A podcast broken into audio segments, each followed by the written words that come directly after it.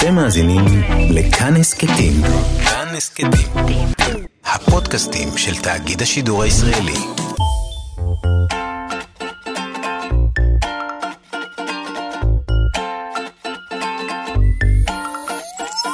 כאן תרבות מציגה. המעבדה לילדות ולילדים. ולילדים. לילדות. המעבדה לילדות ולילדים. עם גיל מרקוביץ. בשיתוף מוזיאון הטבע של אוניברסיטת תל אביב. שלום, אני גיל מרקוביץ', שמחה לצאת איתכם למסע בעקבות שאלה. בכל פרק נשמע שאלה שעניינה מישהי או מישהו סקרנים כמותכם שחיפשו תשובה. מהשאלה הראשונה נתגלגל הלאה אל שאלות נוספות, ואני מקווה שנצליח להשיב על הרבה מהן. אני כמעט בטוחה שבעקבות התשובות יצוצו עוד ועוד שאלות. אז חשוב שבמסע הזה נלמד גם איך לגלות את התשובות בעצמנו, ולעיתים להבין שיש גם דברים שלא תמיד יש עליהם תשובות. בואו נתחיל. הראל בהט מצור משה שאל אותנו שאלות רבות, וזו אחת מהן. איך מגיעים הרבה עננים בחורף וקצת בקיץ? זו שאלה שמתאימה בדיוק לפרופסור יואב יאיר, חוקר מדעי האטמוספירה והחלל. מהי האטמוספירה? זוכרות? זוכרים? נכון, שכבת הגזים שעוטפת את כדור הארץ. יש עננים גם בקיץ. יש עננים מכל מיני סוגים. כל סוג מגיע בעונה שלו. בחורף אנחנו מקבלים ענני גשם כהים, גדולים, שמלווים בברקים ורעמים. רוחות שנושאות איתן לחות ואוויר קר מביאות ליצירת עננים, והם יכולים להמטיר גשם. בתנאים מסוימים האוויר יכול להכיל כמות מסוימת של אדי מים, וכשמקררים את האוויר, הכמות הזאת פוחתת, ואז אדי המים הופכים לטיפות ומומטרים אל פני השטח.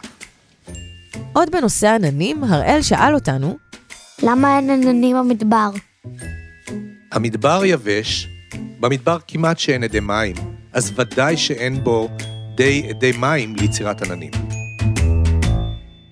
מדבר הוא בית גידול מיוחד, כלומר סביבה שיש בה בעלי חיים וצמחים מיוחדים, שהתאימו את עצמם לתנאים שמאפיינים את המדבר. בישראל יש גם סביבות ירוקות, שבהן אקלים ים תיכוני, וגם מדבר, שבו אקלים צחיח, יבש מאוד. יש מדבריות נוספים בעולם, גדולים מהנגב. מדבריות יכולים להיות קרים ויכולים להיות חמים, אבל הם תמיד יבשים. למשל מדבר סהרה שבאפריקה. בואו נשמע את השאלה של אלה. אני אלה, אני בת שבע, ואני נולדתי באשקלון וגרה באשדוד. אמא סיפרה לי פעם שבסהרה היה יפה, היו שם צמחים ופרחים והיה שם הכל יפה, אבל אני לא יודעת אם זה באמת. אלה רוצה לדעת האם יכול להיות ששנים רבות אחורה בזמן, המדבר נראה אחרת לגמרי, לא יבש וחולי, אלא ירוק ומלבלב. יואב מסביר שמדובר באלפי שנים. בעבר הקדום, לפני מיליוני שנים, מדבר סהרה היה אזור פורה וירדו בו גשמים, אבל בגלל שינוי האקלים הוא התייבש והפך למדבר צחיח.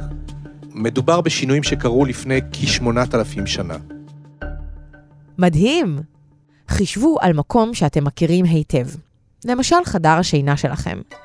דמיינו שבכל יום הייתם משנים בו פרט קטן אחד. למשל, מזיזים את המיטה סנטימטר אחד מהקיר. ויום למחרת, עוד סנטימטר, וכך הלאה. בכל יום, סנטימטר אחד. בהתחלה היה קשה להבחין בשינוי, והחדר לא היה מושפע מזה מאוד. אבל אחרי חודש, המיטה כבר הייתה רחוקה מהקיר, ותופסת חלל פנוי בחדר. השינויים בטבע קורים לאט מאוד, אפילו לאט מקצב התקדמות המיטה, כך שקשה לראות אותם בזמן אמת ולהבין מה כיוון השינוי, אבל חשוב לזכור שהוא קורה סביבנו כל הזמן.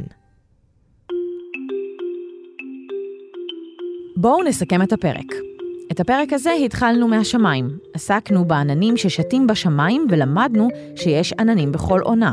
הם פשוט שונים אלה מאלה. בקיץ העננים כלילים וצבעם לבן, בחורף אנחנו רואות ורואים ענני גשם, כהים וגדולים מאוד. ענני החורף מלווים בברקים ורעמים. למדנו שלא בכל מקום בשמיים יש עננים, זאת אומרת שמיקום העננים וסוג העננים תלויים בגורמים רבים, גם בעונות השנה וגם בסביבה עצמה. למשל, במדבר כמעט שאין עננים כי הוא יבש, ואין בו מספיק אדי מים להיווצרות עננים. יחד עם זאת, סביבה יכולה להשתנות במשך אלפי שנים, עשרות אלפי שנים או מאות אלפי שנים. בעבר הרחוק, מדבר סהרה, המדבר החם הגדול בעולם שנמצא בצפון אפריקה, היה אזור פורה וירדו בו גשמים. אילו שאלות שאלתם את עצמכם בזמן האזנה לפרק? כתבו אלינו לדואר האלקטרוני gil.m שטרודל kan.org.il אולי נדע להשיב. תודה רבה לפרופסור יואב יאיר. תודה למפיקת התוכנית רות דוד אמיר.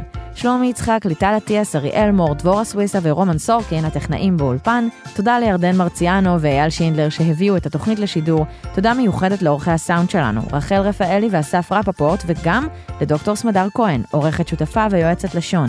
אני גיל מרקוביץ', מודה גם לכם ששלחתם אותנו לחפש תשובות לשאלות מרתקות. נשתמע בפרק הבא, ועד אז, אל תפסיקו לשאול.